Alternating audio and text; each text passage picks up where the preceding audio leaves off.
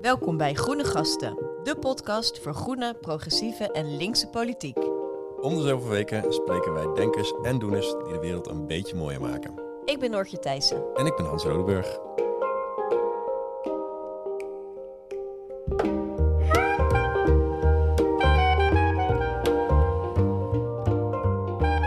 Welkom allemaal.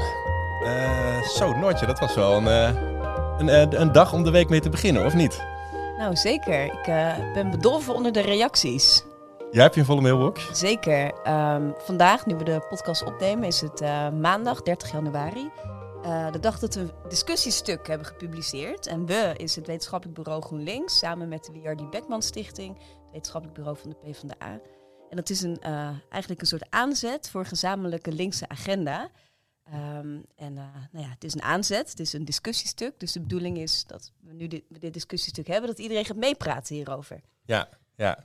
En de trouwe luisteraars, we hebben hem al gezien uh, vorige week. Want het was, toen zijn jullie geïnterviewd, jij en Tim, door Pieter Hilhorst. Die kan je ook op ons podcastkanaal terugvinden. Um, ja, het is nog vroeg, maar heb je, kan je al iets zeggen over de eerste reacties of hoe het is ontvangen? Die ik heb binnengekregen zijn dus allemaal heel positief. Maar er zijn natuurlijk ook de mensen die positief zijn en die het dan ook leuk vinden om te laten weten uh, dat ze het met enthousiasme hebben gelezen. Uh, ik heb ook in mijn mailbox één hele negatieve reactie van een meneer.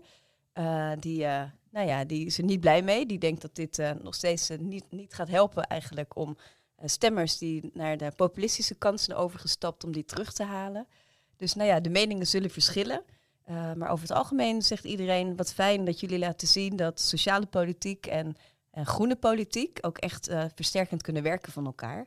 Uh, en dat doen we ook met ons stuk. We laten eigenlijk zien dat we echt een heel andere economie willen, namelijk een groene welzijnseconomie, waarin overheid en burger eigenlijk die belangen voorop staan. en de markt moet daar dienstbaar aan gaan zijn. En we laten ook zien uh, dat als je de ecologische crisis oplost, dat je dan bestaanszekerheid garandeert voor iedereen. En niet alleen nu voor onszelf, maar ook voor onze kinderen en kleinkinderen. Ja, nou, je kan het wel heel goed samenvatten zo. Uh, Daar heb ik ook op geoefend. ja, dus uh, mocht je, mocht je uh, nou denk ik, wil je meer over weten, je kan het discussiestuk vinden op onze website, luister de podcast en ga vooral meediscussiëren, want daar is het voor bedoeld. dus laat je horen, we zijn benieuwd wat je vindt. Ja, en dan de podcast. We gaan, uh, we gaan het over een veel belangrijker onderwerp eigenlijk hebben. Ehm, een veel groter onderwerp ook. Uh, namelijk over de Oekraïne-oorlog. Uh, het is bijna één jaar geleden dat die oorlog van start is gegaan.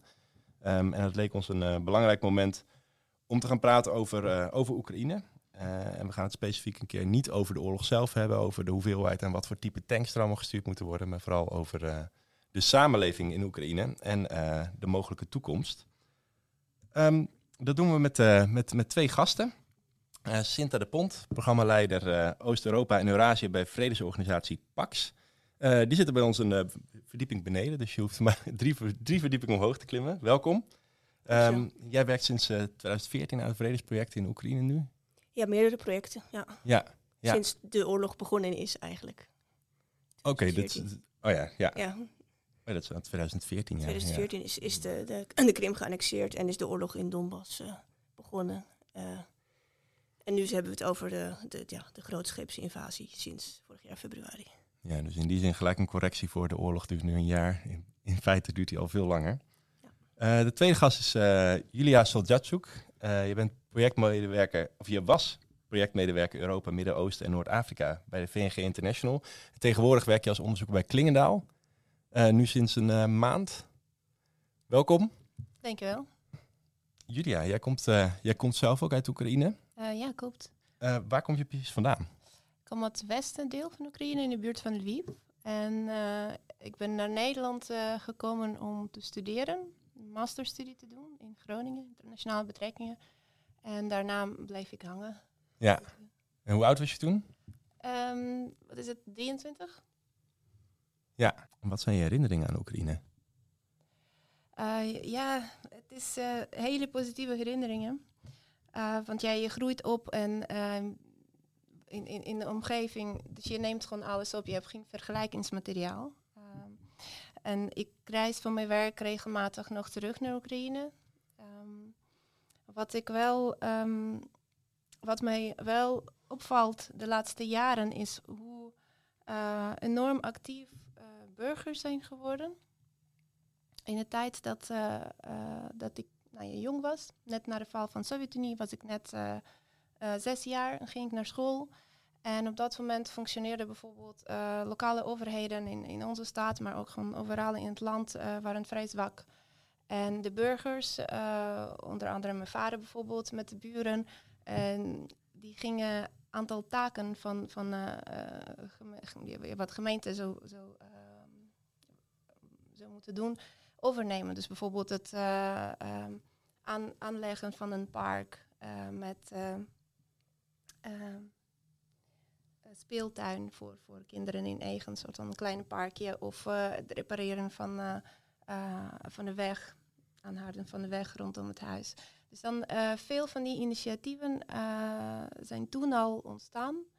En uh, door de jaren heen, ook decentralisatie heeft daar ehm, hervorming enorm bij geholpen, omdat dat eigenlijk het, het, het besluitvorming heeft lager gebracht naar het lokale niveau. Dat is een bewust politiek besluit geweest ja, op een gegeven moment. Ja, inderdaad een bewust politiek besluit om corruptie tegen te strijden en om te zorgen dat er um, dat heeft wel gezorgd dat het maatschappelijke uh, middenveld uh, heel erg ontwikkeld is geworden. Omdat, uh, omdat burgers het gevoel hadden dat ze echt iets konden veranderen in de toekomst van eigen staat en deelnemen in de besluitvorming.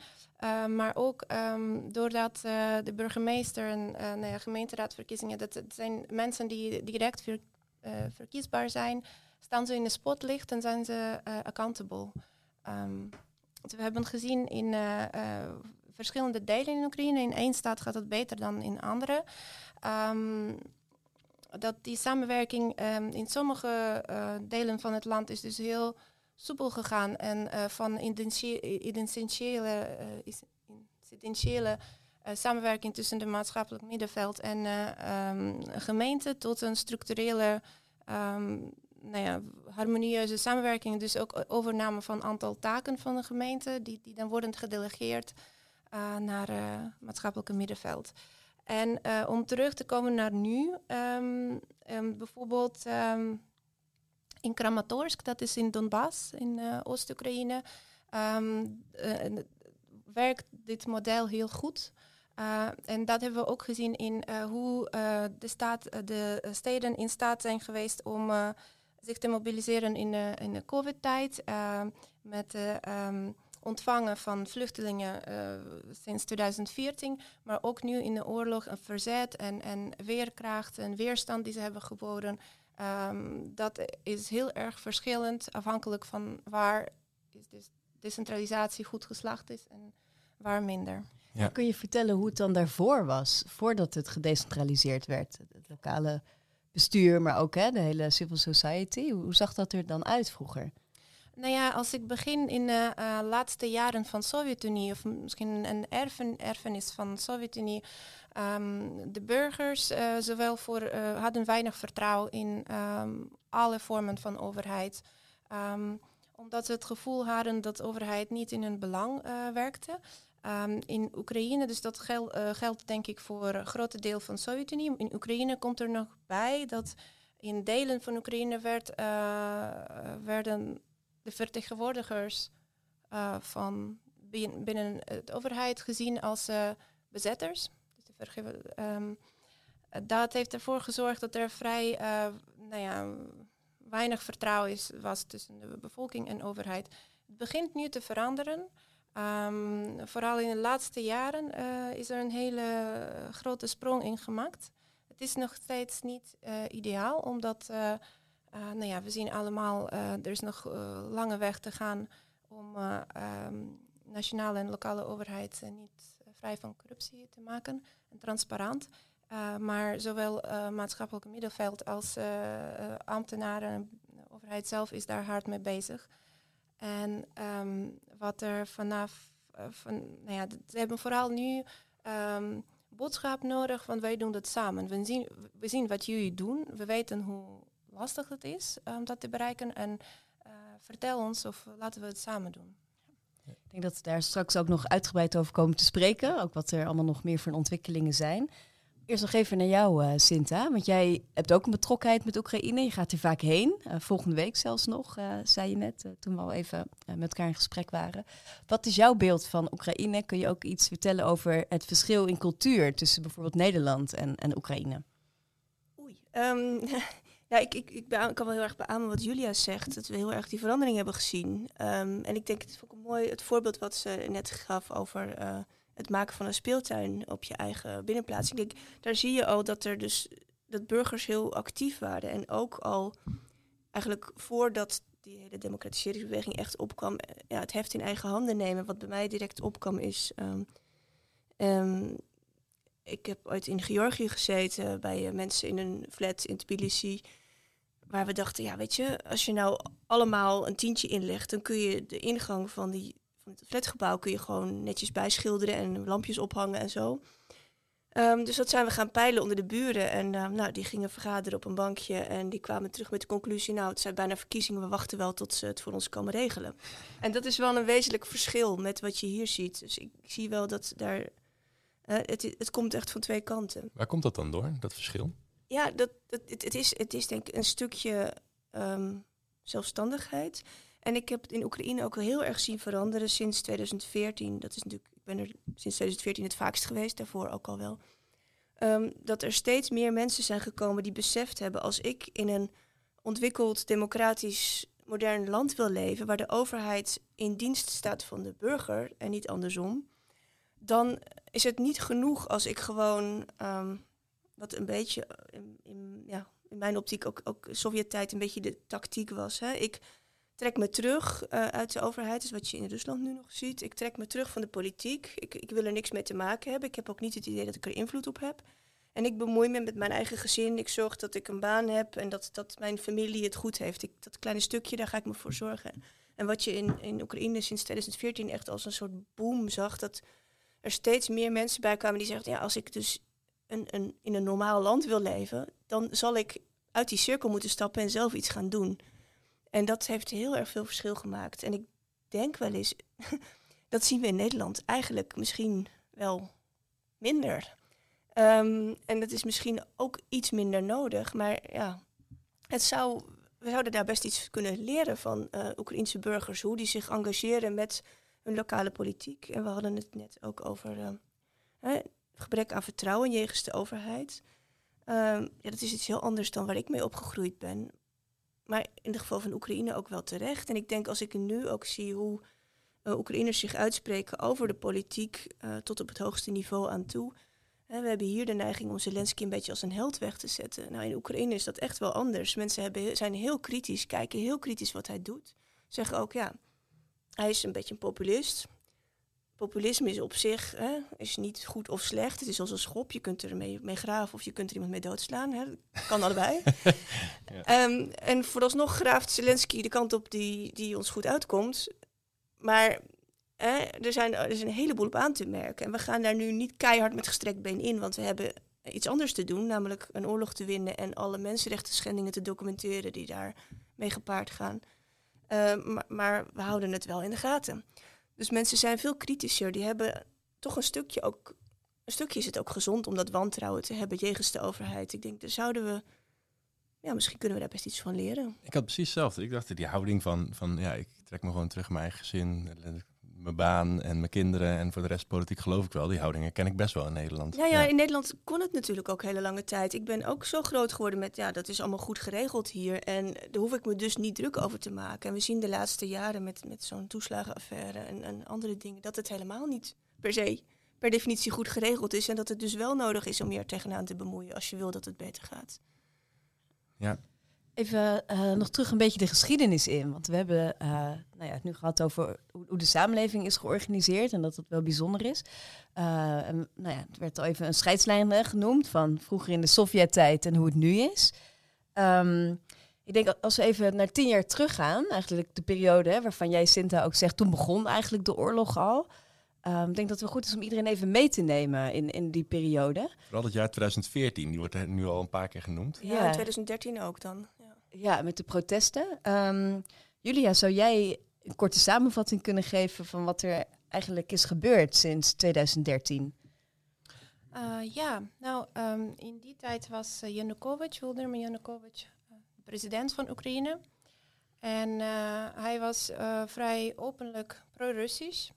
Hij heeft ook een aantal maatregelen doorgevoerd, waardoor hij van parlementaire naar presidentiële republiek is geworden. Um, en nou ja, hij, hij, maakte een soort van stap voor stap, werden steeds autocratisch in Oekraïne. En mensen waren, uh, burgers waren vrij ontevreden, maar ze konden dat nog tolereren omdat er op het spel uh, hij, een associatieverdrag stond. Dus dat, die pro-Europese richting um, was er nog aanwezig en hij beloofde om het associatieverdrag te ondertekenen. Beruchte verdrag waar ook Thierry Baudet onder andere groot mee is geworden hier in Nederland. Precies. ja, ja. Um, en wat uh, op, gegeven, uh, ja, op een gegeven moment heeft hij dat geweigerd. Uh, de avond dat andere twee landen, Moldova en Georgië, dat wel hebben kunnen tekenen. En dat was een, een point of no return voor veel Oekraïners, vooral voor jongere generatie. Die is na de val van de Sovjet-Unie geboren. Dus niet die, die um, hele andere schoolprogramma van de Oekraïnse cultuur en literatuur en dergelijke heeft gekregen. Um, die is anders opgegroeid. Uh, nou, en dan is, uh, is wat we allemaal weten als, kennen als Euromaidan um, begonnen. En, eerst een studentenprotest. daarna werd die um, gewelddadig neergeslagen door speciale... moeten mij helpen met politie-eenheden. Ja. ja. En daarna protest werd groter en um, begin uh, februari is het uh, op één ochtend uh, neergeslagen. Met, nou ja, er zijn ook een aantal doden gevallen. Um, en de Krim is ingenomen, als ik heel kort samenvat.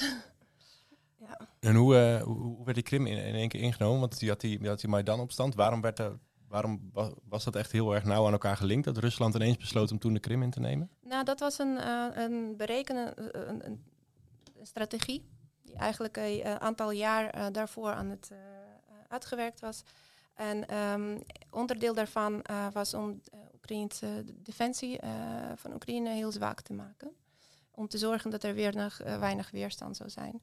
En op het moment dat wat we nu lezen, een soort van herinneringen van, van, die, van dat moment, Oekraïnse militairen die stonden klaar om, om Krim te verdedigen. En ze kregen van, van Kiev een bevel om niks te doen. En die situatie was zo verrassend voor, voor, voor ze. En aan de ene kant, nou ja, tribunaal of, of als, ze, als ze toch iets gaan doen of luisteren en wat gaat dan gebeuren. Dus dat was een verloren moment voor Oekraïne en ja, een kans. Ja, ja en het is natuurlijk ja, slinks opgezet. Hè? Dat is, heeft Rusland afgelopen decennia vaker geprobeerd om te kijken, hè, we doen net alsof we er niet zijn. Iedereen weet dat we er wel zijn, maar officieel zijn we er niet.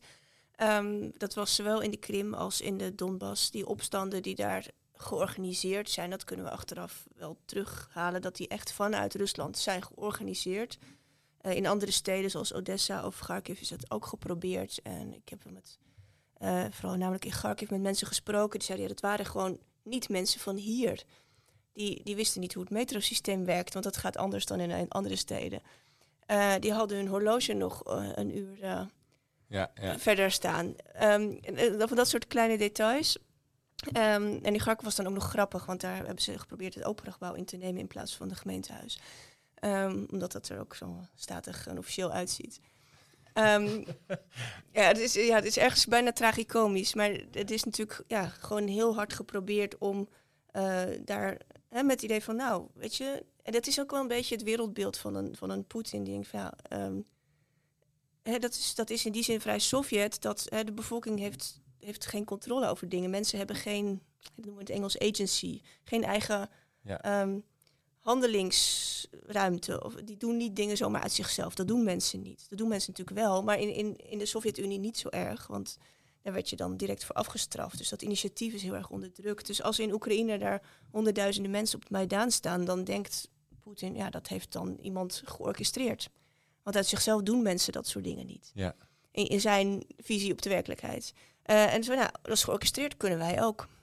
Ja, dus dat eigenlijk die op, opstanden in, in, dus in Donetsk en Lugansk wel ja, met, uiteindelijk met gewapende steun vanuit Rusland van de grond gekomen zijn, waren eigenlijk een soort tegenrevoluties. Zo van, hé, hey, met het idee van dus daar uh, in Oekraïne is de, de, de, de, president is uiteindelijk zelf gevlucht. Mensen, ja, dan kunnen wij, dan kunnen wij ook zoiets doen. Ja. Uh, en, dan, en dan met legereenheden, zonder vlaggen, zonder insignia. Uh, en op de Krim natuurlijk helemaal. Want dat betekent dat er eigenlijk ook in Oost-Oekraïne de steun voor, voor Rusland helemaal niet zo, zo groot was? Of? Um, nee, dat denk ik niet. Uh, mensen hebben daar van oudsher Russisch gesproken. Er zijn ook heel veel uh, mensen in de Sovjet-Unie naartoe geëmigreerd vanuit Rusland en andere uh, Sovjet-republieken. En in de afgelopen, ja, eigenlijk sinds vanaf het val van de Sovjet-Unie is die regio gedomineerd door Russische talige Russische media. Ja, ook dus omdat de taal daar voornamelijk Russisch was. Veel mensen kwamen vanuit Rusland. In de Sovjet-Unie was dat ook, en dat krijg, zie je nu veel terug, niet alleen in Oekraïne, maar ook bijvoorbeeld in Centraal-Aziatische landen, dat mensen zich realiseren hoezeer um, het, het, het narratief was dat hè, Rusland de taal is van de cultuur en als je vooruit wilt moet je dan vooral Russisch spreken. Uh, en, en de eigen taal is eigenlijk een soort hè, voor, voor, voor onopgevoede boerenpummels en, en weet je. Dus het, het, het het, het hele imago van zo'n taal uh, is ook bewust eigenlijk klein gemaakt. Dus daar was Russisch, werd heel veel gesproken in, in, uh, in het oosten van Oekraïne. En vooral ook omdat die regio sterk geïndustrialiseerd is in de Sovjet-tijd. Dus heel veel ook immigratie heeft gezien. Ja. En je ziet nu, dat is wel heel grappig, dat sinds 24 februari zijn daar heel veel mensen die zijn overgestapt op Oekraïens bewust. En die spreken nog beroerder Oekraïens dan ik. Um, maar ze doen, ze, ze willen niet meer. het is ook, het is een, weigeren gewoon Russisch ja, te praten. Ja, die weigeren nu Russisch te praten. Het is een soort acte van verzet ook. Van hé, hey, jullie komen ons zogenaamd bevrijden omdat wij Russisch spreken. Nou, daar willen we liever niks mee te maken hebben. Dan maar slecht Oekraïens.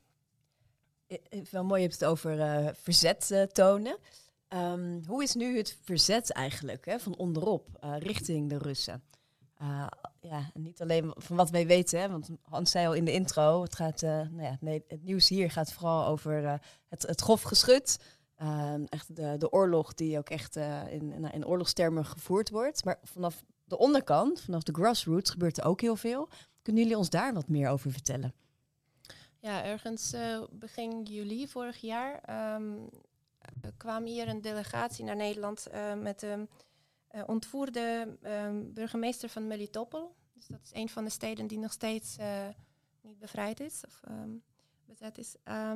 Om, uh, en hij vertelde voornamelijk ho hoe het was daar. tijdens, nou ja, to toen hij daar was en, en hoe, hoe de situatie escaleerde. En hoe hij nu contact onderhoudt vanuit. Dus hij was uh, ik herinner dat niet meer goed, maar volgens mij was hij iets van tien dagen werd hij ontvoerd. En daarna, hoe hij is precies teruggekomen, weet ik ook niet meer. Maar hij is in ieder geval wel nu in, in Kiev.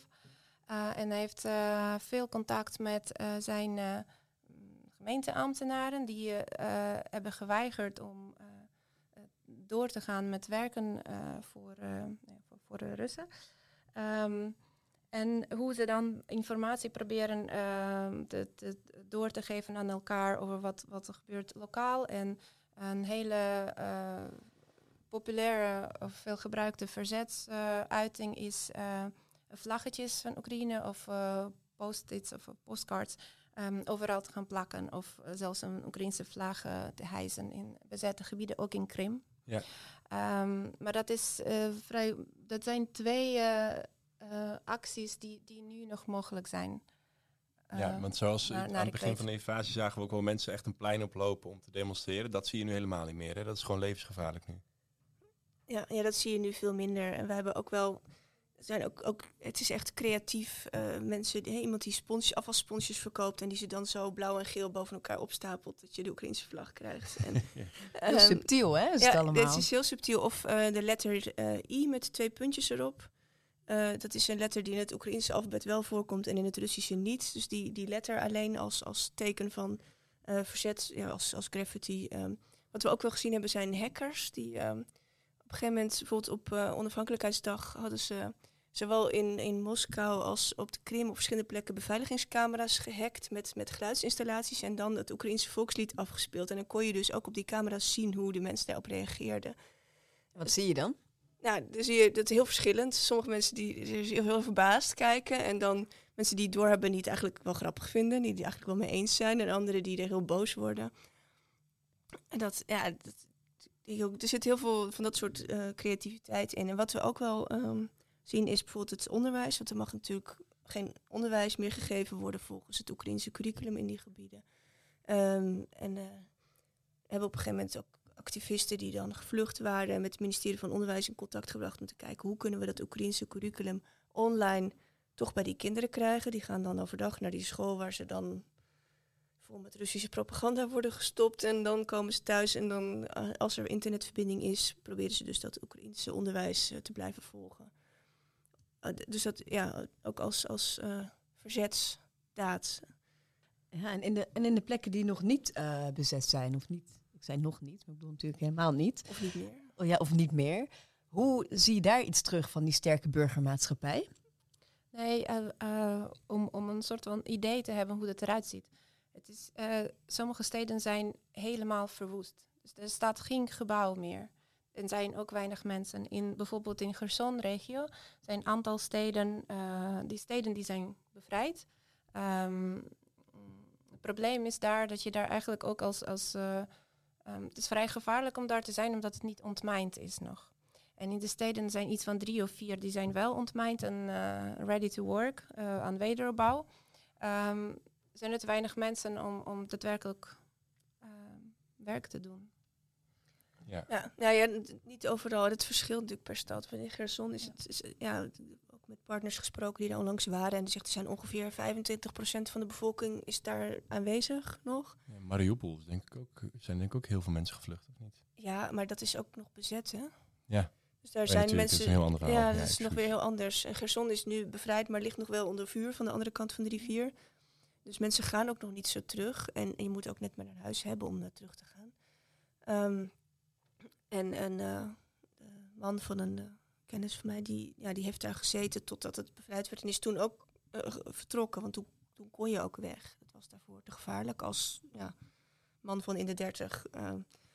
om, om te proberen door die linies te komen. Maar je ziet op andere plekken, bijvoorbeeld Chernihiv of Sumy-regio, waar dus die bezetting korter geduurd heeft. Dus en ja, eind februari tot ergens april vorig jaar. Daar zijn mensen eigenlijk wel weer voor grotendeels teruggekeerd en bezig met ja, te kijken of ze de middelen bij elkaar kunnen verzamelen om dingen weer op te bouwen. Maar qua verzet denk ik, vind ik ook nog wel belangrijk om te zeggen dat hè, die hele oorlog, die wordt natuurlijk gesteund ook door een gigantische burgerbeweging. Zitten door heel Oekraïne en door heel Europa zitten Oekraïners um, eten klaar te maken. Uh, van energy bars tot complete maaltijden. Uh, en dat gaat allemaal uh, naar het front. camouflage netten. Te en dus, dus, iedereen zegt ook, het is ook een beetje van je, je, doet wat je kunt op de plek waar je bent. En dat is de juiste plek en dat is wat jij te doen hebt. Maar het is in die zin echt wel een collectieve inspanning van de hele samenleving. Um, ja. Nou ja, en dat, dat gaat veel verder dan alleen humanitaire hulp en hulp aan de leger. Um, Oekraïnse maatschappelijke organisaties die zijn ook erg actief in het lobby en advocacy internationaal voor de zaak van Oekraïne. Ze zijn vrij succesvol daarin. Um, en uh, Oekraïnse diaspora, um, nee, ik ken het ook als uh, voorbeeld in Haarlem. Um, vanaf de eerste dagen, er zijn, Haarlem is een relatief kleine stad. Er zijn nu twee organisaties die zijn officieel geregistreerd. Beide gerund en georganiseerd door Oekraïnse diaspora. Um, om, om uh, met, uh, met als doel om vluchtelingen te helpen. Ze hebben dan een matching systeem ontwikkeld om ze sneller in gezinnen te kunnen plaatsen. Om alle goederen wat ze nodig hebben te, te, verzamelen bij de lokale ondernemers. Om dat een um, schoolprogramma voor, voor kinderen um, te ontwikkelen. Voor schoolprogramma die nog niet naar school kunnen gaan ook vrijwilligers, dus Oekraïners die hier ook baan hebben, fulltime baan, die gaan dan nemen vrije dagen en gaan bijvoorbeeld naar Nederlandse school. Uh, vorig jaar was dat vooral actueel, om dan als vrijwilliger te vertalen voor, voor kinderen die uit Oekraïne gevlucht zijn. Ja, dus dat is. Ja, het is heel breed. Ik heb nog meer voorbeelden. Het is natuurlijk, hè, het, is, het is humanitair. Het is ook, het is ook geld inzamelen voor dingen die, die mensen in het leger nodig hebben. Dus van, van warme sokken tot de drones en alles daartussenin. Ja. maar het is ook de informatie. Het is ook verhalen naar buiten brengen. Ik, ik heb op Twitter meerdere mensen, zitten Oekraïners, die, ja, die tot, tot februari vorig jaar waren die van alles aan het doen. En nu, is, ja, nu wil ik mijn verhaal vertellen. En, en, en zodat mensen buiten. verhalen? heel persoonlijke verhalen van hoe dat dan is om in zo'n uh, stad te wonen als het oorlog is. En, en, en uh, onverwacht en verwacht uren zonder elektriciteit te zitten. Die dan midden in de nacht ineens weer aangaat. Waarop je meteen, want je had het licht aangelaten. Dat je meteen de wasmachine kunt aanzetten. Want je weet niet wanneer het weer weg is. En dat, dat is gewoon doodvermoeiend ook. Dus dat zijn ook, ook dat soort persoonlijke verhalen. En ook het, het soort verhalen. En ook hè, um, mythes en, en fake uh, informatie, uh, geruchten ontmantelen. En vertellen hoe het, hoe het dan wel zit. En wat natuurlijk ook heel, uh, een hele grote inspanning is, waar heel veel mensen, civil society in Oekraïne mee bezig is, is documenteren ja. van, van alles en nog wat. Van de misdaden ook vooral. Van, van misdaden, van verwoestingen en, en van mensenrechten schendingen, van heel specifiek hè, op um, wat wij doen met een aantal organisa uh, Oekraïnse organisaties, um, schade aan um, milieu en uh, energieinfrastructuur, risico's voor milieu. Dus dat gaat om chemische fabrieken, dat gaat om water, natuurlijk al die dingen die ook onder vuur liggen nu. Maar ook hè, schade aan en het verzamelen van ooggetuigenverklaringen van uh, priesters, rabbijnen en uh, andere geestelijke die ook uh, onder vuur liggen. Dus heel specifiek. En hebben mensen heel erg ook hun eigen niches in. Maar dat is ook een gigantische berg werk. Waarin ook, ook dat maatschappelijk middenveld weer samenwerkt met de overheid. Ook om, om zaken ook al voor de rechter te brengen. Nu ook al. Er lopen er ook al een heel aantal. En um, je hebt een hele actieve civil society, burgermaatschappij. maar de democratie zelf, Um, die, dat is nog in ontwikkeling. Uh, nou ja, er zijn ook verschillende rapporten over verschenen die zeggen het is eigenlijk in Oekraïne ook nog niet echt een democratie, zo, zoals wij dat hier kennen. Zijn jullie het eens met die uitspraak en waar blijkt het dan uit? Ja. Weet ik eigenlijk niet. Het is, het is, niet een democratie zoals we die hier kennen. Ik bedoel, ja, wat wil je ook? Hoe lang hebben we hier aan gebouwd? 400 jaar of zo? Um, terwijl natuurlijk daar in 1991 ja, zit je met de resten van het totalitair systeem waar je dan een democratie van moet maken. Niemand heeft ervaring met hoe dat echt werkt. Ja. Eh, dus in die zin denk ik, ja, zo lang zijn ze nog niet bezig. En er is de afgelopen, sinds 2014 is daar wel echt een, een, een heleboel snelheid ingekomen. Dat je hebt gezien, wat Julia net ook al vertelde. Dat, dat lokale bestuur, dat mensen daar echt ja, hebben uitgewerkt. Oké, nu hebben we ineens deze... Uh, volmachten en deze middelen, uh, wat, wat doen we daarmee? Hoe werkt dat dan? Uh, hoe betrek je het publiek erbij? En je merkt wel dat dat nu wat onder druk staat, omdat je in veel plekken nu een uh, civil military administration hebt. Dus een, een, die wat, wat sneller beslissingen erdoor kan drukken, wat natuurlijk ook zijn voordelen heeft, maar die soms ook geneigd is om te zeggen, ja, als al die burgers inspraak moeten hebben, dan duurt het veel te lang en die snappen het toch allemaal niet. dus dat, dat wisselt een beetje. Dus daar moet je wel heel erg ja, op letten. En, en proberen wij ook wel te doen. Maar dat zijn mensen ook zelf wel alert op van... hey, hallo, wij zijn er ook nog en wij willen, hebben ook wat te zeggen. En je ziet ook dat activisten zich meer organiseren... ook om druk terug te kunnen geven. Ik maak me op dit moment niet zo zorgen om die Oekraïnse democratie. Ik denk het is ook natuurlijk de inzet van deze hele oorlog... is dat mensen die democratie, kunnen, verder kunnen ontwikkelen... Um, nee, het is niet klaar. Ja, is het ooit klaar? Dat vraag ik me ook af. Jullie hadden het nu over het, uh, over het lokale bestuur. En een belangrijk probleem, wat natuurlijk vaak ook in wat mensen weten qua beeldvorming, waren de, de zogenaamde oligarchen. De, de, rijke miljardairs die eigenlijk heel veel invloed hadden via hun bedrijven en dat soort zaken. Um, in, ho in hoeverre is dat momenteel nog een probleem, Julia? Um, daar zitten wel interessante ontwikkelingen in. Um, dus wat Oekraïne zit in een enorme spagaat, want uh, die was al bezig uh, met hervormingen voor het begin van de invasie. En um, een grote factor die uh, hervormingen um, niet snel genoeg laten liepen, vertraagde, waren de oligarchen. En nu hoor je niks uh, over oligarchen. Het lijkt dat ze er niet zijn meer. Nou, wat is er gebeurd? Ehm, eh, in, in, vorig, of in, in 2021 heeft eh, Zelensky een wet eh, ehm, aangenomen. Ehm, dat heet eh, Anti-Oligarchenwet. Ehm, Duidelijke titel. ja. En eh, hij is tijdens eh, eh, nou ja, vorig jaar vooral een aantal stappen gemaakt om, om die wet in, te implementeren. Ehm, nou, wat hij eh, ehm, in, dat, in dat wet staat ook een definitie wat oligarch is. En dat, is, dat heeft tenminste drie, iemand met drie kenmerken. Dus iemand die een monopolie heeft of een zeer succesvolle ondernemer met een invloed op nationale economie. Uh, dat is iemand die uh, actief is in politiek of zelf of uh, door aansturen of nou ja, anderen te beïnvloeden. En de derde is dus een grote invloed op massmedia, massamedia heeft. Um, aantal oligarchen, de kieën, bijvoorbeeld Achmetov of Kolomoisky, is ook een interessante soort van. In Nederland horen we af en toe dat argument dat Kolomoisky en Zelensky uh, vroeger partners waren of, of enige andere relatie hebben. Uh, dus die twee in ieder geval hebben een uh, groot deel van, zijn, van hun bezittingen kwijtgeraakt vorig jaar. Um, die bezittingen, ze beheersen dus eerst een hele sector. Je zegt, we hadden een monopolie. Dus ja, nou, nou ja, zal ik dan in voorbeelden praten? Ja, dat is misschien het meest interessant. Achmetov is een uh, oligarch die uh, in Oosten, die, die, dat is eigenaar van Azovstaal. Dit is nu helemaal plat gebombardeerd. Hij is ook uh, eigenaar van vele mijnen in, in Donbass. Um, hij heeft een groot deel van, van zijn bezittingen ook door de oorlog kwijtgeraakt. Um, maar een andere deel, bijvoorbeeld um, licentie voor een mediakanaal dat hij beheerde, heeft hij teruggegeven aan de staat vorig jaar.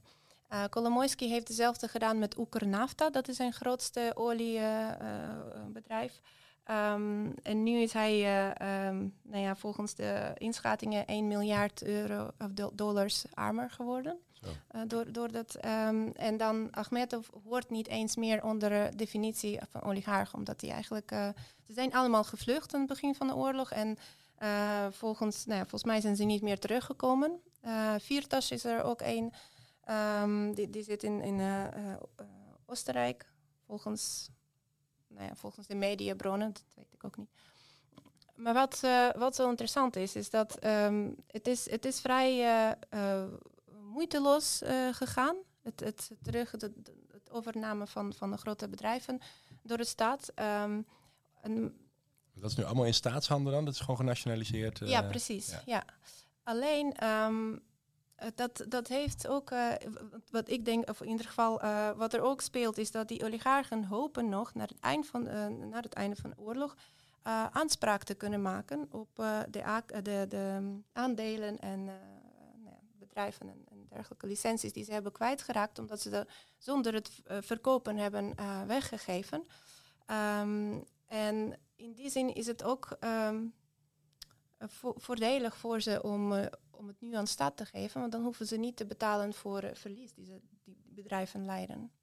En uh, voor aan Oekraïne is het nu een, een loop ontstaan waar Zelensky probeert om zoveel mogelijk wetten door te voeren die dus het onmogelijk zouden maken voor oligarchen om na het eind van de oorlog grote invloed te hebben op wederopbouw bijvoorbeeld en op teruggrijpen hiervan. En een van de centrale uh, hervormingen die dan voor het eind van de oorlog zou moeten doorgevoerd worden, is een um, onafhankelijke rechtspraak. Gaat het lukken? Um, dat is ook afhankelijk van de Europese partners. Ja, van de steun die en, en je ziet wel dat er stappen gemaakt worden, ook in die rechtspraak. Ik was in de, in de zomer uh, bij de, de, Europese Commissie in Kiev en die waren ook uh, voor oktober was Kiev was eigenlijk bijna back to normal afgelopen zomer. En die zeiden ook, er worden echt wel hele grote stappen gemaakt. Ze gaan heel snel, ook midden in de oorlog met die hervormingen, die natuurlijk gevraagd werden hè, in, onder het associatieakkoord. Waar moeten we dan aan denken, wat voor hervormingen? Nou, dat gaat inderdaad over, over, de, over rechtspraak en ook politieke hervorming, dit soort, dit soort uh, dingen. Um, en het is natuurlijk, die, die oligarchie is natuurlijk een, een ding, hè, een, een, een erfenis van de Sovjet-Unie, waar de manier waarop die Sovjet-Unie werd ontmanteld, uh, mensen die hadden natuurlijk staatsbedrijven, alles was van de staat. Dat werd genationaliseerd. En de mensen die op invloedrijke posities al zaten, die konden dat voor weinig eh, zich toe-eigenen. Waardoor de, ja, dus een systeem ontstond met een paar mensen die heel veel hadden ineens. Ehm, en eh, ik blijf vergelijken met Rusland, daar heb je dat natuurlijk ook. En er zijn de machtigsten die zich met de politiek wilden bemoeien, zijn eh, dus met behulp van een niet ehm, onafhankelijke rechtspraak ook weggewerkt, zoals Godorkovsky. Ehm, en in Oekraïne is het, heeft, was, het meest, was het meest iets meer in balans. Ik weet nog dat we in 2014 eh, in Odessa kwamen. Dat is natuurlijk een, de grootste havenstad. Dus daar ging ook heel veel om economisch. Grote economische belangen. En ook een paar lokale mensen die dan hè, takken daarvan beheersten. Zoals Julia zei dan, hè, de industrie, de politiek en de media. Ehm, en we spraken ook met journalisten die zeiden, ja, oké, als ik, hè, als ik dit, we hebben verschillende lokale media, die horen allemaal bij een andere oligarch. Maar die hadden het dan wel, als ik dit verhaal wil brengen, kan ik dat bij mijn outlet, kan ik het niet kwijt. Maar dan weet ik wel bij wie ik het wel kan pluggen en dan wordt het toch gepubliceerd. Dus je had in die zin, Er was nog een soort markt. er ja. was een soort, eh hè, dit is een soort oligopolie, dus meerdere machtscentra, waardoor je nog wel heel veel dingen zeg, kon zeggen als je maar keek waar je dat moest doen. Ehm, dus niet, niet die monopoliepositie waar één iemand alles bepaalt, waar je dus geen ja, vrije pers meer hebt. Ander eh, punt, eh, het werd helemaal in het begin even genoemd, corruptie. Dat is ook iets waar het land lang door is geteisterd. En waarvan er nu gezegd wordt van hé, hey, we- dat wordt nu wel echt meer aangepakt. En dat eh, is ineens echt wel in het vizier gekomen. Is dat ook echt zo? Is er nu minder corruptie dan er vroeger was? Ja, ik, ik weet er bijna zeker van wel. En ik denk ook, ehm, er is nog steeds wel corruptie. Er is heel veel gedaan. Dat is ook, die hervormingen gaan ook daarover. En we hebben het nu onlangs nog gezien dat er eh, twee dingen boven kwamen met procurement bij het ministerie van Defensie. eh, waar direct wordt op wordt ingegrepen. gegrepen. Er was iets met eten voor de, sol- eh, Ja. voor de militairen. Ja, het ging over inkoop van eten voor de, voor de soldaten, waarvan sommige op die prijslijst waren sommige dingen veel te hoog geprijsd en andere weer te laag. Dat was echt een hele rare lijst. Ehm, maar er wordt dus direct op ingegrepen en er worden direct verantwoordelijke mensen ontslagen. Ehm, dat is, hè, dus dat is wat we nu zien. Er wordt ook op gehandeld. Nou ja, wat het vooral eh, laat zien is, ehm, omdat die, eh, eh, de corruptie wordt nu aangepa aangepakt. En de NABU, dat is een Oekraïense anticorruptieorganisatie, een onafhankelijke agents- agentschap. Die is eh, ehm, eh, aangesteld door, door de president. Hoe meer het wordt aangepakt, hoe meer eh, va- van die casussen komen naar boven. En, en het lijkt heel erg dat, om, dat er veel meer corruptie is, maar dat is ook omdat het bekend wordt gemaakt. Ja, het is Ja, meer precies, zichtbaar. Een goed En, signaal. ja, en daarom is die, die Transparency International Index ook, hè, die gaat om, eh, om de perceptie van corruptie. Dus hoe corrupt denk je zelf dat je land is? En hoe meer natuurlijk zichtbaar is. En ik merk, Oekraïners zijn er heel strak op. Ik, ik weet niet, misschien is Nederland wel corrupter.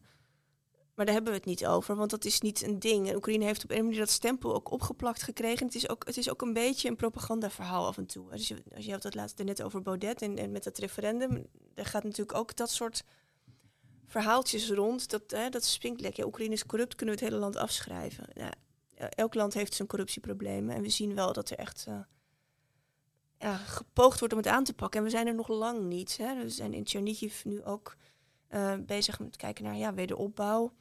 Ehm, ja, de burgemeester die heeft heel veel aandelen in een lokale bedrijf wat ze asfalt produceert. Oké, daar gaan we wel even heel proberen heel scherp op, eh, op te letten wat daar dan gebeurt eh, met die wederopbouw en, en waar het geld naartoe gaat. Ja. En dat gaat niet vanzelf. Maar da- daar is natuurlijk die, die eh, civiele samenleving dus en de journalistiek. Een van die twee schandalen die vorige week naar buiten kwam, dat was door onderzoeksjournalisme. Dus Ja. er wordt ook gewoon, hè, er is ook gewoon die, die civil society is er ook om dat, eh, om de politie ook scherp te houden. En, en, en ja, en we zijn nog niet klaar. Wat wil jij erover zeggen, Julian? Nou ja, eh, kijk, in, in de situatie van oorlog ehm, en in elke andere situatie wanneer het systeem het toelaat, eh, groeit corruptie. Ehm, omdat mensen ook armer worden en ze zien de mogelijkheid om, om snel eh, nou ja, rijker te worden. Dus dat is er wel. Alleen eh, er wordt eh, actief aangewerkt vanuit de overheid. En er is een eh, civil society die, eh, ehm, die daar ook erg scherp aan is. Maar er is wel een lange weg. En ehm, ik, ik, het is heel fijn dat, dat uh, een positieve beeld uh, probeert te schetsen. En daar ben ik ook nou helemaal, sta ik helemaal achter. Um, maar daar is wel, ja, moet, we moeten doorgaan zoals, of in Oekraïners moeten doorgaan zoals ze nu bezig zijn. Om, en nog harder om, om de situatie te verbeteren. Ik heb wel het idee dat het, de tolerantie zeg maar, onder het, breed onder de bevolking voor die corruptie steeds kleiner wordt. De mensen zijn eigenlijk steeds pissiger erover wat, als iets naar buiten komt.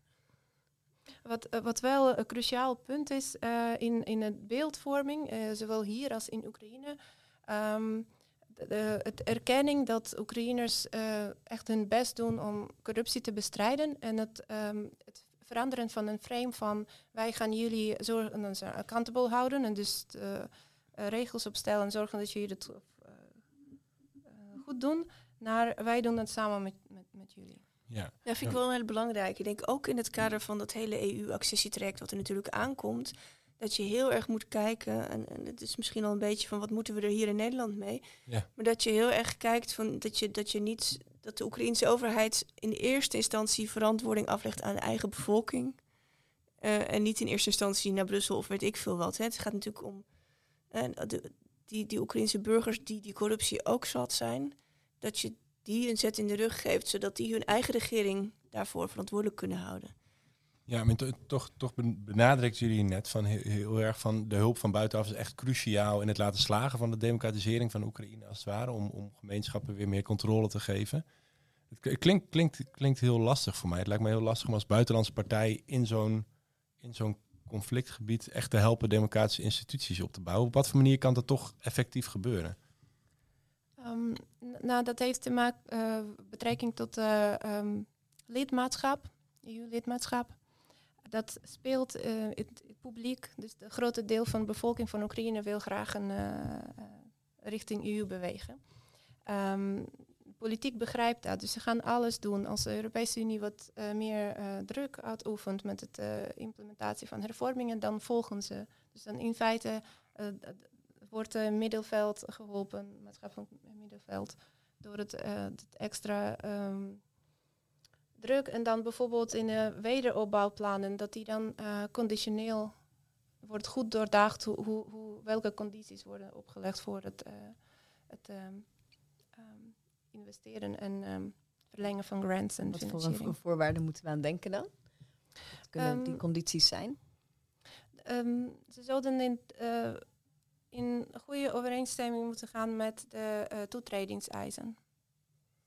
Dus dat zijn ook weer uh, nou ja, anticorruptie en hervorming uh, van transparante aanname van ambtenaren. Bijvoorbeeld is een van de hervormingen voor onafhankelijke rechtspraak. Um, ja, en, en lokale inspraak. Ja. want dat is natuurlijk wel risico en ik zie het ook, ook al in Nederland ook van dan komt er een weet ik veel een Oekraïne top en dan wordt het hele bedrijfsleven uitgenodigd en die zeggen ja we kunnen dit en dit leveren dus dan gaan we dat doen. In plaats van dat je Oekraïners uitnodigt en vraagt wat hebben jullie nodig. Is van behoefte. Ja. en dat is wel, ik merk dat keer op keer, want ook uh, op een gegeven moment merk je, ja, er wordt toch hier de humanitaire hulp uitgedeeld, maar ja, de winkels werken allemaal weer. En uh, wie heeft het eigenlijk nodig? En het creëert soms meer problemen dan dat het oplost. En dat verschilt natuurlijk per regio en per moment. Dus je moet dat echt bottom-up ophalen. Wat is er nodig? En wat, uh, dus je kijkt, ja, is, is, er, is er iets nodig? En wat dan? En ik denk ook dat het heel belangrijk is bij, bij de zowel die wederopbouw als dat toetredingstraject. Uh, dat je um, hm, dat we er niet te arrogant in gaan van wij weten hoe het moet en we zullen jullie het wel even leren. Uh, er, is echt wederzijds iets te leren en er is ook, denk ik, dat een houding van we gaan ondersteunen wat daar uh, lokaal opkomt en, en kijken hoe we dat het best kunnen matchen met wat wij dan als vereiste hebben liggen, de Kopenhagen criteria. Is er op dit moment een, een arrogante houding, denk je? nou, ik, ik zie wel minder al, maar ik zie nog wel, de Oekraïners noemen dat westsplaining. Hè? Dat, dat heel erg de dingen worden uitgelegd door het perspectief van hè, uh, wij, uh, wij weten hoe het moet. Uh, en en dus, dat is best wel een beetje top. Dat is best wel een beetje arrogant ook af en toe. en ik denk dat we dat. Dat, dat ons West-Europeaan een beetje nederigheid ook wel past in deze. We hebben natuurlijk toch die oorlog laten opkomen op deze manier. Uh, ook door niet voor onze principes en voor de internationale rechtsorde te gaan staan in 2014. Dat had natuurlijk ook gekund. Toen was het allemaal lang zo dramatisch nog niet als het nu is.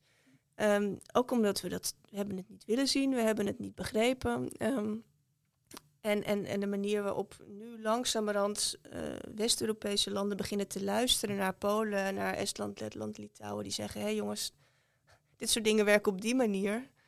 We hebben daar ervaring mee. Ik denk dat we daar best naar wat evenwichtiger uh, uitwisseling toe mogen. Gelijkwaardigheid. Ja. ja. En wat, als je hè, aan verschillende plekken zou vragen, wat is er hier nodig? Wat, wat voor antwoorden komen er dan naar boven? Julia? Wat is er nodig lokaal voor wederopbouw? Ja, voor wederopbouw, maar ook voor ja, nog vitalere democratie. Of om te kunnen gaan toetreden tot de Europese Unie. Nou, wat vooral vanuit Nederland, uh, of uh, aan, aan, Nederland wordt gevraagd, uh, is uitwisseling van ervaring. Dus die uit, directe uitwisseling, partnerschappen tussen gemeenten bijvoorbeeld, tussen regio's, um, tussen instituten, in, in, universiteiten. Daar hebben de Oekraïners, dat, daar vragen ze vaak naar en daar hebben ze direct bad bij, omdat ze kunnen zien hoe dat anders kan en dan dat zelf een manier vinden om toe te passen in de lokale context.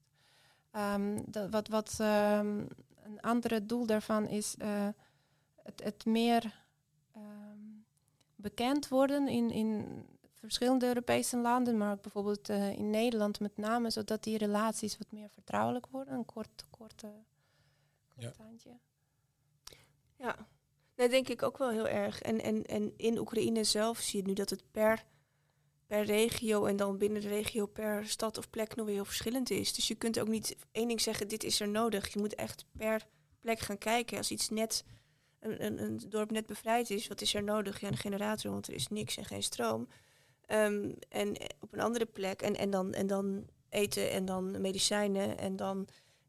Ja, dat zijn zo'n eerste stappen. En dan moet je gaan kijken, wat moeten we daarna doen om, om mensen weer terug te, te krijgen.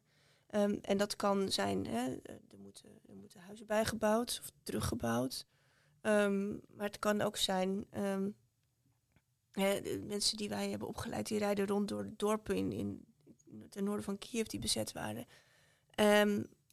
die hebben op een gegeven moment gekeken van, nou, dit dorp, daar is geen kapper meer. Nou, de volgende keer dat we komen, dan komen we wel twee dagen, brengen we een kapper mee. Dan kan iedereen zich even laten knippen. Maar dat is, dat is echt als je op heel lokaal niveau zit en kijkt wat is daar precies nodig. En dat kun je dus eigenlijk nauwelijks van hieruit voor een heel gebied vaststellen. Maar dat is voor wederopbouw, dat is niet zozeer voor democratie. Dat is voor wederop, ja, dat is niet zozeer voor, ja, oké. Maar ik denk eigenlijk voor democratie zou je ook willen horen van wat, wat hebben jullie nu nodig? Ik denk die, die uitwisseling van ervaring is een, een hele waardevolle.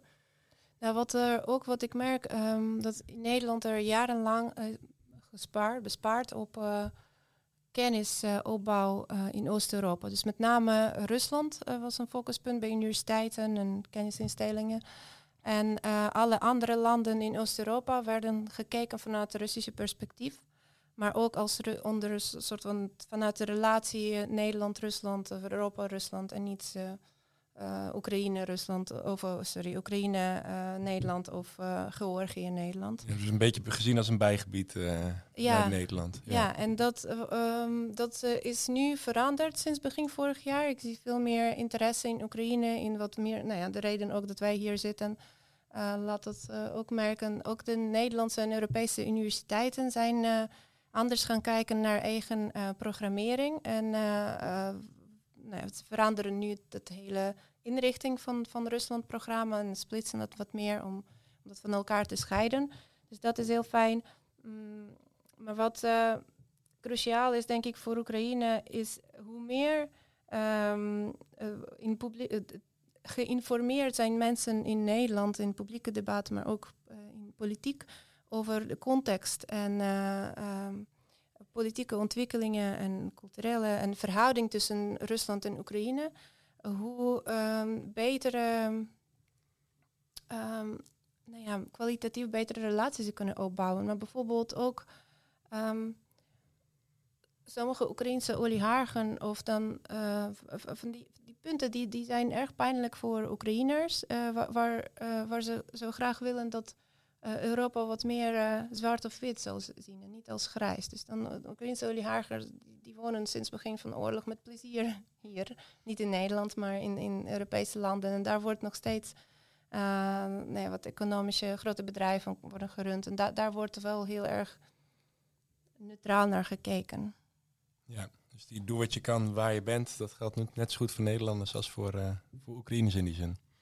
Nou, dat denk ik wel. Ik denk dat het voor iedereen geldt in deze. En, en daarmee is, is eh, verhalen delen en informatie naar boven brengen is ook, is ook iets doen. Het is ook een informatie- en een propagandaoorlog natuurlijk. Um, en ik denk, um, als het gaat over wat, wat kun je nou doen om de democratie vooruit te helpen. Ik denk, ik denk dat ook daar uitwisselingen heel erg kunnen helpen. Ook, um, we organiseren volgende week een uitwisseling tussen Oekraïne en Bosnië. Uh, hoe doe je dat, democratie, democratisch lokaal bestuur opbouwen na een oorlog? Of in een post-conflictgebied? Want dat zijn ervaringen die wij hier niet meer zo hebben. Dus die haal je ergens anders vandaan. Um, ja. Steunen van het maatschappelijk middenveld.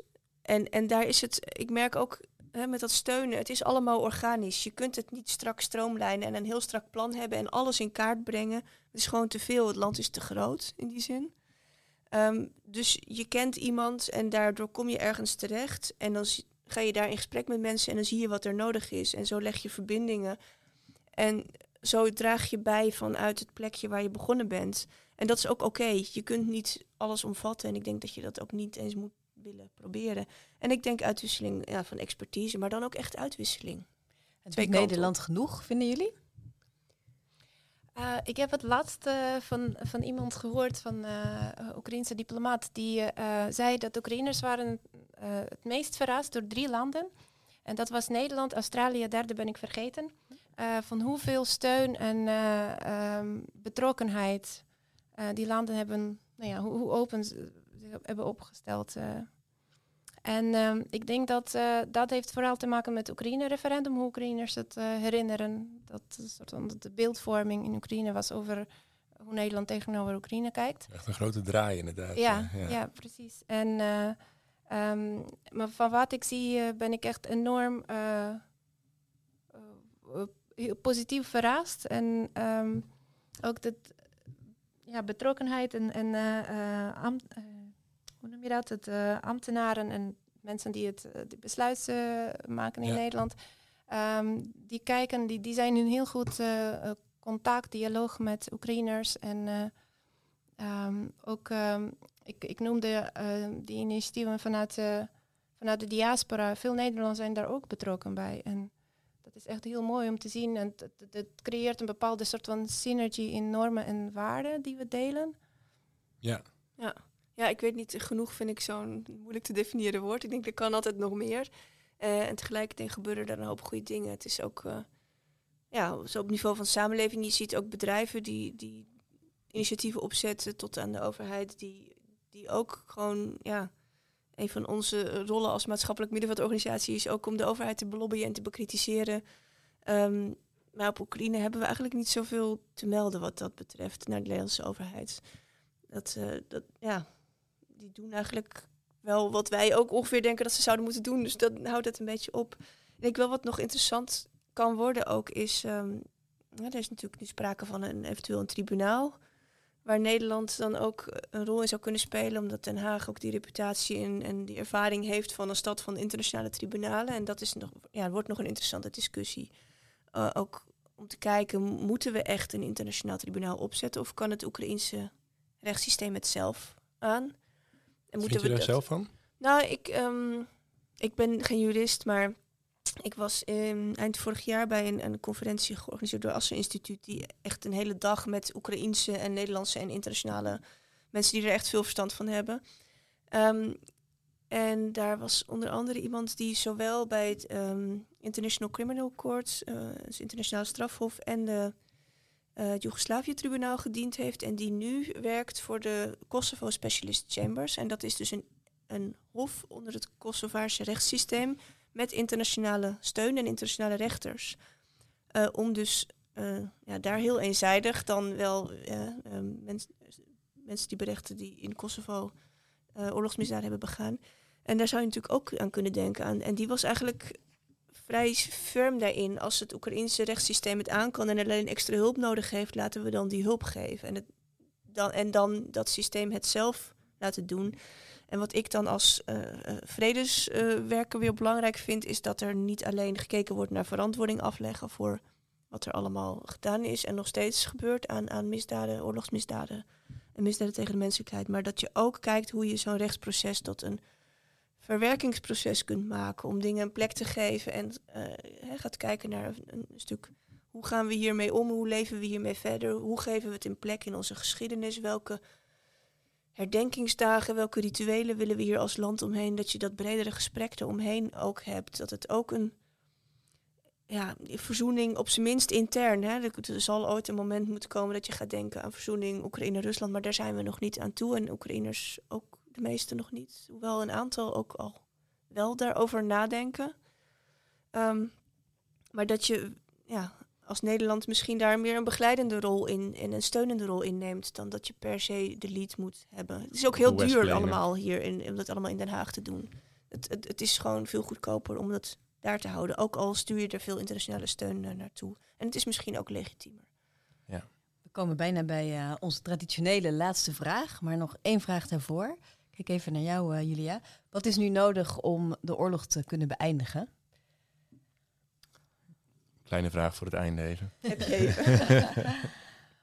ja, los van alle. Uh, er zijn verschillende scenario's hoe dat zou kunnen lopen. En uh, um, militaire, blijvende militaire steun is eigenlijk uh, kern. om, je, je zei oorlog beëindigen. Ja, vanuit het Oekraïnse perspectief is de enige goede scenario is oorlog te winnen. En daarvoor is inderdaad meer militaire steun voor nodig. En um, wat, wat Sinta zei net, het tribunaal, dat is ook een cruciaal iets om, om te verwerken en, en, om te een uitstippelen, een weg te bepalen hoe, hoe gaan we naar de oorlog met elkaar om. Want het is wel de aanname van Oekraïners, veel Oekraïners, is dat um, de relatie met de buur, buurman ten oosten blijft niet erg vriendschappelijk. En dat er in de toekomst ook wel um, strategisch moet worden gekeken naar hele sterke defensiecapaciteiten aan de Oostenfront en, dergelijke. Ja, hoe luister jij ernaar, Sinta, als vredeswerker? Nou ja, met heel veel verdriet vooral. Uh, ik, ik kan ook niet een betere manier bedenken op dit moment dan uh, om de oorlog te beëindigen dan ook op het slagveld uh, de Russische leger een halt toe te roepen. Want voor andere argumenten um, blijken ze niet heel gevoelig te zijn. Alle mensen die oproepen tot onderhandelingen, ja, alle onderhandelingen en alle internationale afspraken en verdragen die er waren rondom dit conflict zelf, rondom de grenzen van Oekraïne, et cetera, zijn allemaal unilateraal geschonden. Dus daar kunnen we niet zoveel mee op dit moment. Um, dus ik denk dat, hè, en als we, het gaat over de relatie na een oorlog, uh, willen we echt duurzame vrede hebben in Europa, dan zal er in Rusland fundamenteel heel veel moeten veranderen. En daar gaan wij niet over.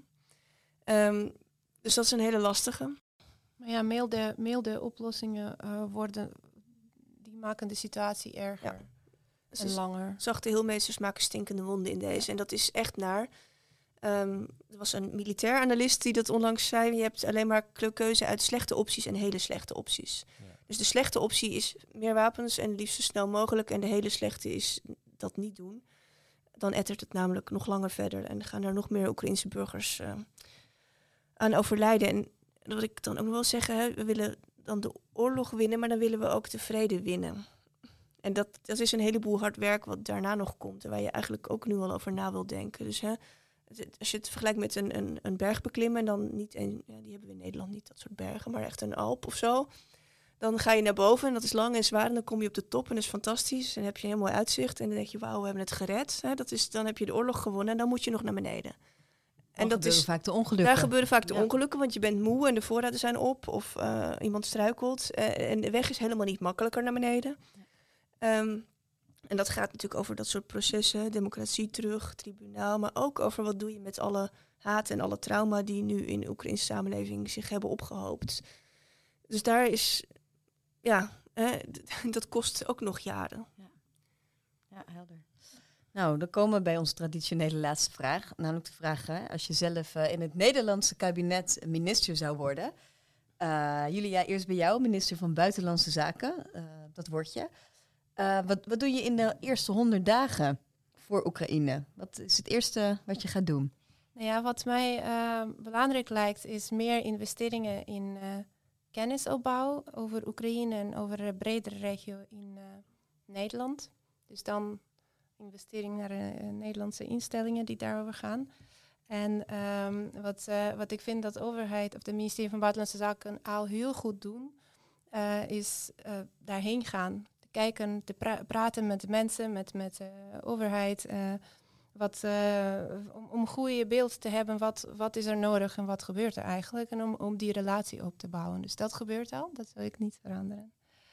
En ja, dat is. Um, derde gaat niet helemaal over buitenlandse zaken. Um, maar ik ben zo kijkend naar de situatie in Oekraïne, ben ik tot een conclusie gekomen dat om um, je moet eigenlijk sterke defensie hebben om je normen en waarden te kunnen verdedigen. Om dus nooit te hoeven vechten voor die waarden, maar alleen maar omdat je die defensie hebt, uh, geef je een signaal naar buiten en dan je hoeft het niet eens te proberen. Om vrede te bewaren moet je dus investeren in uh, defensie. Mooie brug naar jou, ja, uh, minister zeker. van Defensie, uh, Sinta. Dat zijn de eerste drie maatregelen die jij zou doorvoeren nou, als vredesactivist. Ja, gelijk, dat is wel de baan kabinetsbreuk? Of, dit is wel de baan die ik nooit had willen hebben. Ja, eigenlijk mogen we dan een ander kabinet zonder... Nou goed, laat maar. Um, ik, uh, ik, ik, ik, verzin niets, want dit is natuurlijk helemaal niet mijn tak van sport. Ik, ik heb liever een ministerie van Vrede dan van Defensie. Maatregel 1, toch? Maatregel naamswijziging. 1, naamswijziging. Um, maatregel 2 is denk ik rondom Oekraïne nu heel concreet is uh, meer in gesprek met de Nederlandse samenleving. Ik hoor, ik hoor heel veel mensen op, in, in, in het publieke debat, maar ik hoor eigenlijk het ministerie van Defensie niet zo in gesprek zijn met de bredere samenleving. Dus ik zou veel meer willen uitleggen wat we doen, waarom we het doen, uh, waarom het nodig is. Uh, en ook ja, kijken wat mensen daarvan denken. Dus dat, dat gesprek meer aangaan. En ik zou heel erg um, in samenwerking met mijn Europese Unie-collega's heel hard gaan werken aan een visie op Europese veiligheid uh, en de krijgsrol van de krijgsmacht daarin uh, in Europees verband. Want het blijkt dat dat dus gewoon nodig is. En ik denk dat we ons uh, een beetje in slaap hebben laten sukkelen naar de Tweede Wereldoorlog met nooit meer oorlog in Europa. Ja, dat kunnen we wel met z'n allen wel willen, maar we moeten er ook voor kunnen staan op het moment dat het nodig is. Dus daar moet echt nagedacht worden over de toekomst en, en, en echt visie bouwen. En ook daarover weer in gesprek blijven met uh, met de samenleving, met de academie en, en anderen. En met partners uh, in Oekraïne. Ik denk dat als ik minister van Defensie was, dat ik ook uh, naar Kiev zou gaan. Maar zonder dat ik minister van Defensie word, kan dat gelukkig ook. Ja, ik zeg jou heel hard knikken, Julia, bij een Europese leger. Het kabinet spreekt met één mond op dat punt? Of, nou, niet, alleen leger, maar ook wederopbouw en alles wat heeft, gaat over ja, Oekraïne. Ehm, het is een goede alliantie voor Nederland om. Uh, ja, te blijven. Nou, uh, op naar het volgende kabinet. Goed idee. Zijn we aan het einde gekomen. Dank jullie voor jullie, uh, voor jullie verhaal. En ik, ik heb zelf echt enorm veel geleerd. Het, is echt een, het zijn verhalen die je niet vaak in de mainstream media hoort. Het is heel fijn dat jullie hier kwamen om weer een heel verhaal over te stellen. Mainstream media deed ik trouwens met aanhalingstekens voor de luisteraar. Um, dan hebben we nog allemaal reclame te maken. Um, ja, natuurlijk uh, de oproep aan jullie uh, luisteraars om uh, deze podcast te delen. Um, like hem ook, dat helpt ons ook heel erg om zichtbaar te worden in alle algoritmes. maar we hebben ook reclame voor allemaal events die we de komende tijd gaan organiseren. Namelijk 8 maart hebben wij in de Tivoli Jason Hickel, de grote degrowth-denker. Die komt, die komt naar Nederland en die wil heel graag in gesprek met jullie over zijn degrowth-verhaal en het postkapitalisme-verhaal. Dus daar zijn jullie van harte uitgenodigd. Um, Verder weten jullie misschien nog dat vorig jaar een essay-wedstrijd was, de Gaia essay-wedstrijd. Ook dit jaar wordt die weer georganiseerd. Um, en deze keer uh, kan je een gesprek met de econoom Kate Ray Ray Rayworth, ik vind haar altijd een hele moeilijke naam hebben, uh, kan je winnen. Um, want zij geeft ook de Gaia-lezing dit jaar. Dus uh, hou ons in de gaten, want binnenkort komt de oproep online om een essay te gaan schrijven over hoe jouw ideale donut-economie eruit ziet. Vergeet ik nog iets, Noortje? Uh, nou, je hebt de datum niet genoemd van de Gaia-lezing oh met Kate. Uh, ja, ik zeg altijd Robert, maar we gaan het even opzoeken. Uh, eh, 22 april, namelijk de dag van de aarde, Earth Day. Dus zet het in je agenda. Um, en nou ja, verder komen wij over een paar weken weer terug met een nieuwe podcast. Die zal zijn eh, met eh, journalist en inmiddels eh, ook correspondent bij de correspondent, eh, Mark Chavan. En daar gaan we het eh, mee hebben over journalistiek en politiek. Ja, en daarnaast komt er de komende weken, of deze week al, eh, ook nog een andere podcast van ons online, namelijk Besturen met Idealen, waarin onze collega Richard Wouters GroenLinks bestuurders interviewt over eh, vooral de provinciale staten, hoe je die bestuurt, hè? in het kader van de verkiezingen. En als je nog concreet eh, voor Oekraïne iets wilt doen, in actie wilt komen, op 24 februari zijn er op verschillende plekken in het land eh, demonstraties. Onder andere op dit moment bevestigd in eh, Rotterdam, Amsterdam, Utrecht en Den Haag. En daar komen er nog meer bij. Ehm, counting as we speak. Hou de website in de gaten van paxvoorvrede.nl of van Oekraïners in Nederland. Daar kunnen jullie vinden waar in de buurt eh, je mee kunt doen. Tot volgende. Tot dan.